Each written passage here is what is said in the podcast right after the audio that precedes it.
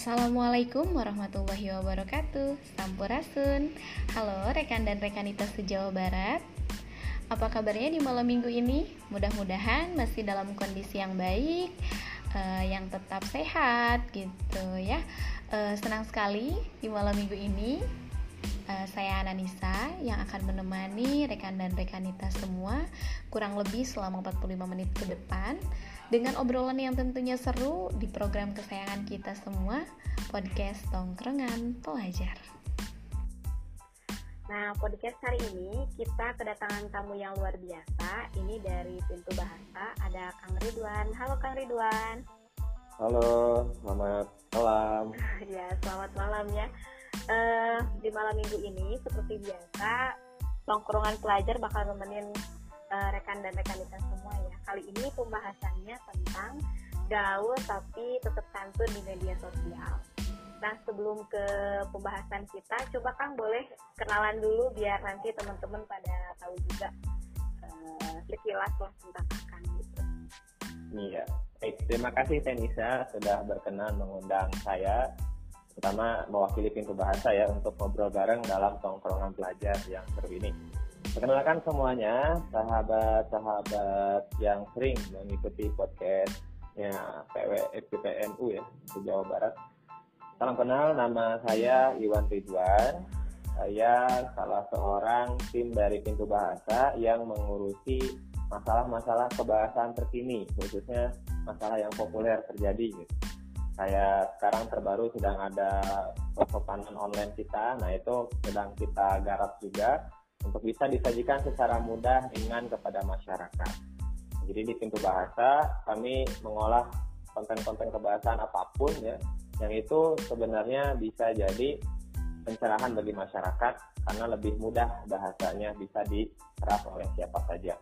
Itu terkait profil saya di pintu bahasa, selain di pintu bahasa, saya juga seorang public relation di salah apa di salah sebuah sekolah di Karawang boleh. Ya, terima kasih Kang Ridwan perkenalannya. Yeah, mungkin yeah. nanti bisa medsosnya barangkali Kang mungkin ada yang oh, iya. Medsos di Instagram nanti boleh di @apanesia95 dan itu nanti foto saya yang masih kuliah itu. Ya, masih kuliah. Oh, sekarang udah udah enggak ya, Kang? Kuliahnya insya Allah betul betul. Ah, iya. Kita langsung uh, ini ya ke pembahasan kita kali ini jadi yeah. menurut Akang nih, kira-kira kan e, sekarang itu medsos udah diakses oleh banyak orang ya, kalangan oh. usia bahkan oh. bukan bukan hanya usia-usia yang sudah e, sudah boleh gitu menggunakan medsos. Hmm. Yang misalkan usia SD gitu sudah mengakses media sosial, minimalnya Facebook lah gitu ya. Iya.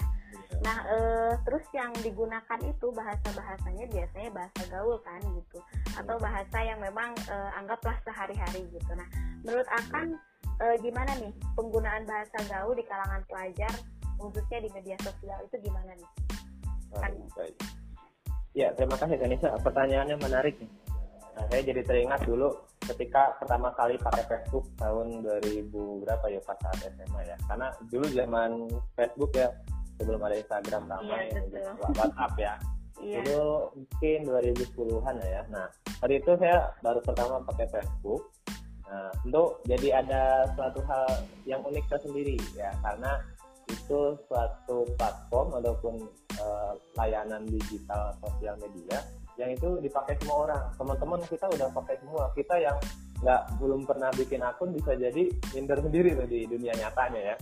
Tuh minta akun Facebooknya tuh misalnya gitu kan, ditanya kayak gitu. Tentu kita uh, nyobain tuh pertama nyobain. Udah deh saya bikin akun karena saat itu yang memadai usianya uh, minimal 13 lah ya udah ke atas gitu kan. Nah jadi uh, ibaratnya ini kita kayak uh, berwisata ke dunia baru gitu tapi nggak nggak terlihat gitu. Kayak kita berkunjung ke satu tempat tapi itu nggak jelas wilayahnya itu sampai mana ujungnya kita nggak nggak tahu kan. Hmm. nah tapi uh, dari media sosial ini justru jadi manfaat besarnya adalah orang-orang yang terkendala dari segi jarak bisa terkom apa terkoneksi satu sama lain tanpa sekat gitu.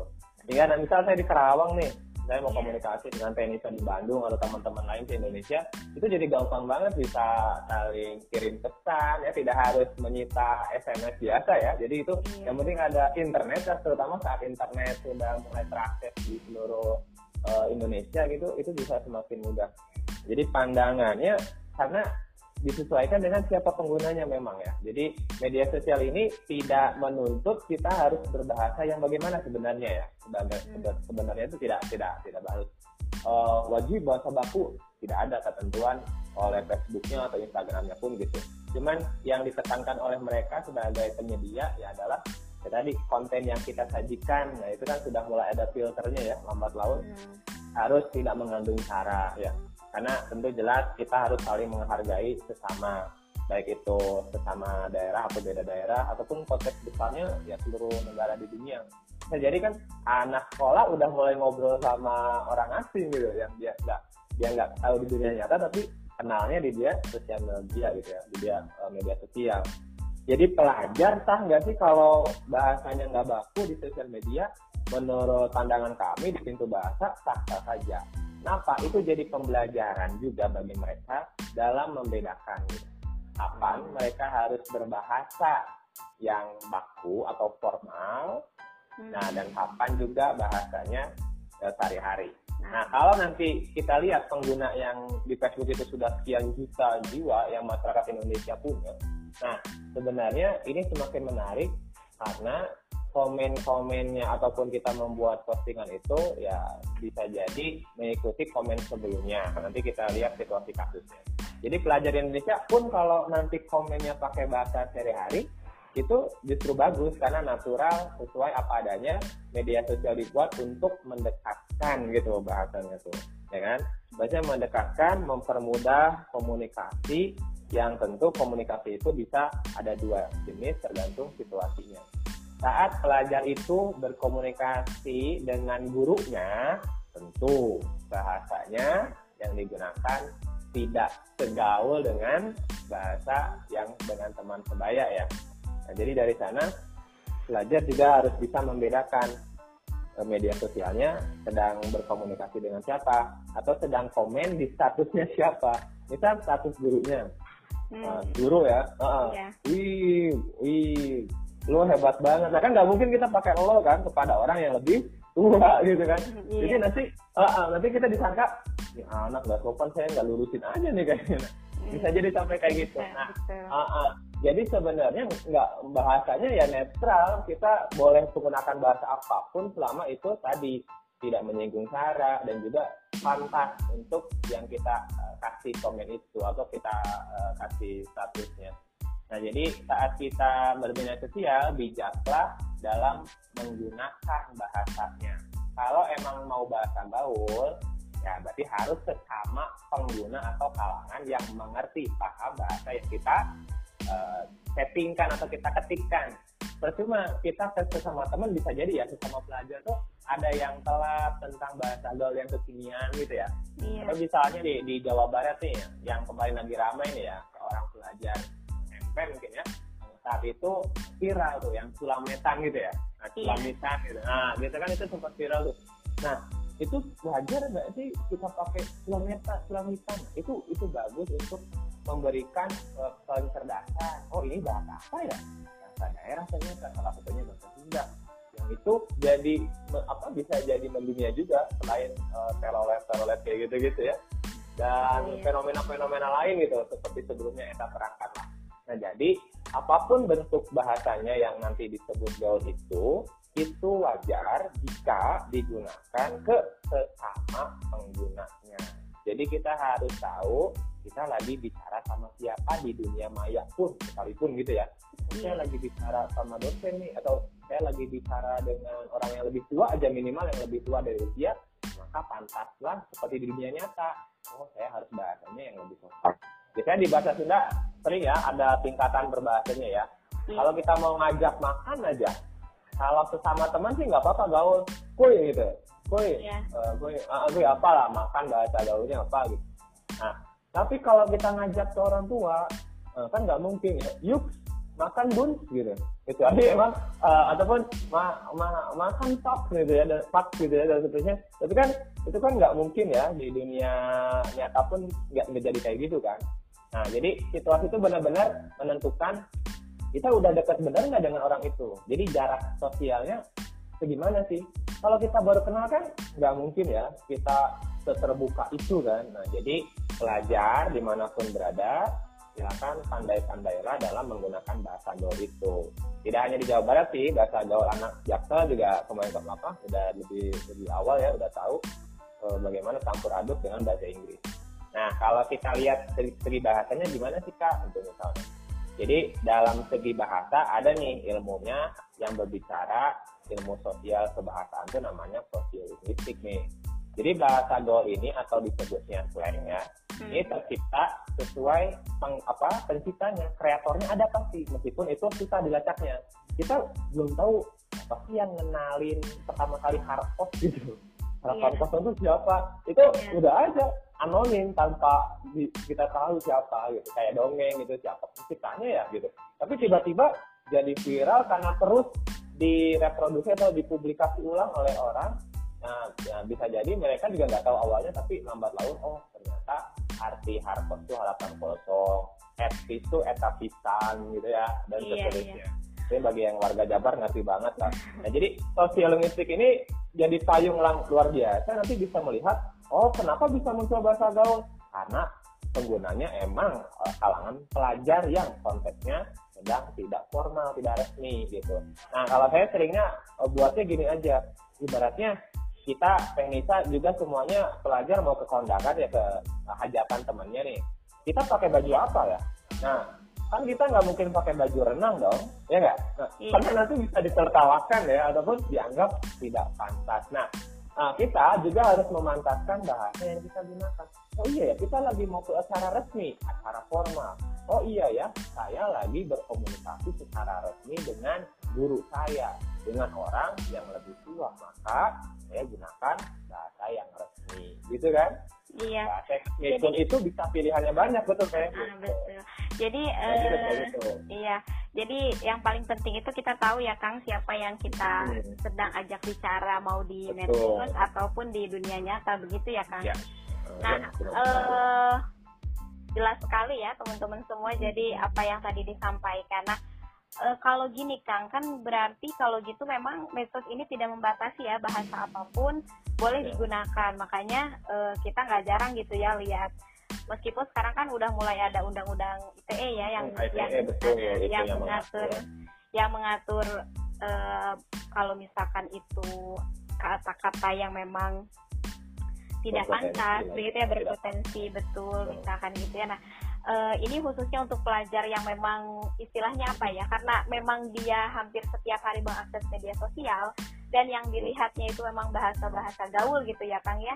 Nah sebetulnya menurut Akang nih uh, pasti ada pengaruh nggak sih ke kan kadang kalau anak gitu ya kayak misalkan gini deh kita sering nulis uh, apa disingkat kadang-kadang hmm. ketika kita nggak sadar gitu ya nggak sadar lagi yeah. nulis juga lagi nulis biasa gitu. terbawa gitu kayak yang ya, ya. Uh, hal yang terkecil misalkan kayak yang itu jadi YG ya, gitu betul. nah menurut Akang gimana nih maksudnya apa uh, sebaiknya tetap kita uh, mencoba untuk nggak nggak terlalu apa ya kan sekarang udah mulai nih kalau yang kayak gitu-gitu dibilang alay gitu makanya sudah mulai dikembalikan gitu ketika dulu ya, pak yang itu YG atau Y9 mungkin sekarang udah pakai yang gitu nah itu menurut Akang gimana nih Uh, Indonesia, pengalaman langsung mungkin ya. Oh, saya bisa jadi disebut ala ini karena bilang yuk gitu. Pada masanya iya. oh, pada masanya iya ya. Mungkin semuanya mengalami juga nih teman-teman juga nanti pada masanya pastilah melewati tahap itu. Oh iya ya, pas saya lihat status saya Facebook yang tahun 2010 itu, oh sealai itu. Iya betul. Atau anak kita ya tadi oh, nanti perkembangan bahasa itu nanti juga mempengaruhi ya seseorang dalam menggunakan bahasa. Uh, wajar-wajar saja dalam nanti ketika belajar ya. Karena usia sudah misalnya sudah pantas bermedia sosial 13 tahun SMP mungkin. Nah itu pemerolehan ataupun tabungan bahasanya tuh nanti pasti ngeluber banget. Tabungan katanya tuh pasti banyak. Seiring dengan sering baca, sering dengerin sering nonton film ada suksesnya jelas gitu ya. Itu pasti uh, punya tabungannya udah melebihi miliuner lah gitu ya. Jadi banyak kata-kata yang bisa dikeluarkan. Itu di otak tuh banyak banget. Nah itu kan jadi dilema kedua kondisi tadi ya nah ya. karena saya juga terlibat dengan aktivitas kegiatan kepengajaran dengan pelajar yang mau pada tes tes ujian yang UTBK gitu gitu ya yang isinya mau kuliah itu kan harus laku itu ya yang. Hmm. Nah saya kalau tanamkan ya, ataupun secara pandangan umumnya adalah kita itu uh, tadi harus pandai-pandai melihat kita sedang apa gitu. Sedang berbicara tidak hanya dengan siapa, tapi untuk apa bahasa itu kita ucapkan. Tujuannya harus jelas.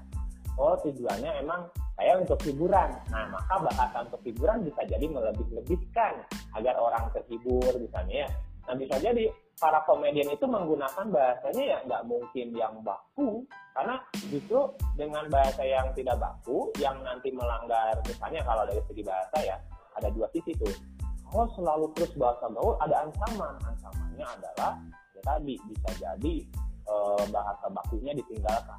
Tapi dari sisi yang lainnya ada lagi keuntungannya dari segi fungsinya fungsional ya aliran fungsional kalau dari segi bahasanya itu tuh melihat ini sebagai fenomena yang penting untuk menambah khazanah, menambah keilmuan dalam bahasa itu. Jadi bahasa Indonesia terbentuk itu bukan langsung dari tadi bahasa baku tiba-tiba muncul enggak. Bisa jadi diserap dulu nih dari bahasa asing. Oh iya ya, kenapa saya bilangnya uh, atlet? Karena ada bahasa Inggrisnya. Atletnya misalnya, atlet gitu ya, ada ujungnya sama. Nah itu ada proses dulu uh, transfer ilmu pengetahuan yang awalnya dari serapan bahasa asing, kata-kata asing, itu kemudian diserap ke dalam bahasa Indonesia baku atlet. Tapi kok pelajar pakainya atlet ya? Ya tadi, karena seseorang bisa melihatnya dari kegiatan sehari-hari. Oh, saya biasanya sih atlet, mendengar di surat kabar dan seterusnya. Nah, tapi e, hari ini kekinian sudah mulai ada sinergi ya antara badan bahasa pemerintah selaku ininya yang mengurusi eh, bahasa-bahasa yang harus baik dan benar dengan uh, semua kalangan, baik itu di perhotelan, gunakanlah utamakan utamakan bahasa daerah. Nah, ya, atau prioritaskan bahasa daerah dan seterusnya. Jadi slogan badan bahasa jelas itu. Jadi tetap mempertahankan adanya bahasa daerah, mengutamakan bahasa Indonesia dan juga harus belajar bahasa asing karena itu penting. Nah, jadi kalau tadi berbicara kita itu uh, wajar enggak sih kalau kita bahasa gaul ya tadi kita harus jelas oh bahasa ini saya tujukan buat teman saya aja gitu dan medsos ini kalau nanti mau dipakai untuk pencerdasan dalam arti melatih secara formal berbahasa formal maka pelajar pun harus mulai terbiasa berbahasa formal di media sosial. Tentu dengan bahasan fokusnya misal kayak gini bahasa tentang pesan online. Apa pendapatmu tentang pesan online? Nah itu kalau emang mau dilatih menyusun kata itu bisa terlatih dulu dengan menulis mencoba secara formal atau secara resmi. Tidak harus oh, oh ini lengkap nggak ya struktur dan seterusnya. Tidak harus pusing dulu pelajar dengan ketidaklengkapan uh, unsur subjek dan seterusnya enggak. Yang penting mencoba kata-katanya minimal hilang dari yang tidak baku. Nah, minimal itu dulu. Tapi kan bertahap ya tahapannya bertahap. Jadi uh, meskipun dibebaskan tadi karena sekarang sudah ada undang-undang yang mengatur tentang elektroniknya maka uh, sekarang kita harus berbahasa secara sopan dan santun di media sosial seperti itu. Jadi meskipun baku nggak mesti kaku teh gitu. Jadi sekarang di KBBI ya itu bisa dipilih tuh. Kalau kita mau uh, menunjukkan rasa gembira nggak hanya dengan misalnya kamu hebat gitu ya. Nah, jadi bisa jadi dengan yang lain. Luar biasa kamu memang jagonya dan seterusnya. Ya itu itu juga baku misalnya. Jadi tidak harus lu emang jago gitu. Nah itu ya. Bisa jadi kan lu itu nggak diterima. Maksudnya dalam arti lu tuh kok eh, ada ini ya kurang pantas ya. Jadi uh, kamu gitu ya. Minimal kan kamu ya. Itu kan kamu tuh percakapan ya. Jadi dalam percakapan pun bisa jadi kita pilih-pilih. Lo pantas nggak ya? Kalau saya bilang lo meskipun ke yang bawah. Bisa yang bawah bisa apa bawahnya usianya di bawah kita. Lo udah makan belum gitu kan? Ini sih tapi kalau bahasa daerah kak ya itu banyak lah ya. Dalam bahasa daerah pun contoh contoh kasusnya banyak. Ada yang paling sopan sampai yang paling tidak sopan gitu. Itu itu udah wajar jadi fenomena yang lumrah di masyarakat. Dan kita nggak bisa menyalahkan gitu. Karena emang itu udah lahir tercipta ya bisa jadi sebelum uh, manusianya dilahirkan udah ada bahasanya bisa jadi ya tapi itu ada teori perdebatan bahasa dulu atau manusia dulu gitu. Nah kayak ngobrolin ayam dulu atau telur dulu. Tapi intinya karena kita sudah dilahirkan di konteksnya Jawa Barat kita harus paham riwayat bahasa Sunda di Jawa Barat itu bisa jadi ada dua tipe yang berbeda. Misalnya di Sunda Banten yang menurut kita kasar menurut mereka nggak kasar gitu. Bahkan maaf sampai ada uh, bahasa dalam pernikahan yang itu menurut kita nggak pantas gitu ya kan antara perkawinan itu kan itu pasti tuh terjadi nanti bisa dilihat apa ya emang ya? Nanti bisa ngobrol sama orang Banten kok kamu kasar sih? Misalnya ya saya dulu pas kuliah di UPI Bandung itu kan saya orang Karawang asli ya Tulen dan saya nggak pernah berkomunikasi dengan orang Bandung di Karawang tuh. Jadi ya saya bawa aja bahasa Sunda Karawang saya ke sana. Nah tiba-tiba saat saya ngobrol kok kasar ya bahasanya oke di sana emang kayak gitu misalnya. Nah tapi lambat laun dengan penyesuaian nah saya harus bisa beradaptasi dengan siapa saya bicara dan di mana sedang saya berpijak. Oh, saya sedang di Bandung oh bahasanya yang santun gitu ya. Yang, yang lebih lemah ya yang lebih lemah lembut gitu kan. Jadi uh, bisa lah ada tingkatan berbahasa. Begitu teh. Oke kan nah e, sebetulnya dari kan yang namanya di medsos uh, meskipun misalkan nih saya komennya sama akang anggaplah kita mm -hmm. Sebaya gitu ya. Tapi kan yang baca bisa jadi nggak cuma akang. Ya, betul. sangat tidak menutup kemungkinan gitu. Berarti kan si caption kita atau komentar-komentar kita terus misalkan apa ya status kita gitu itu kan berarti diakses oleh banyak orang ya kang ya.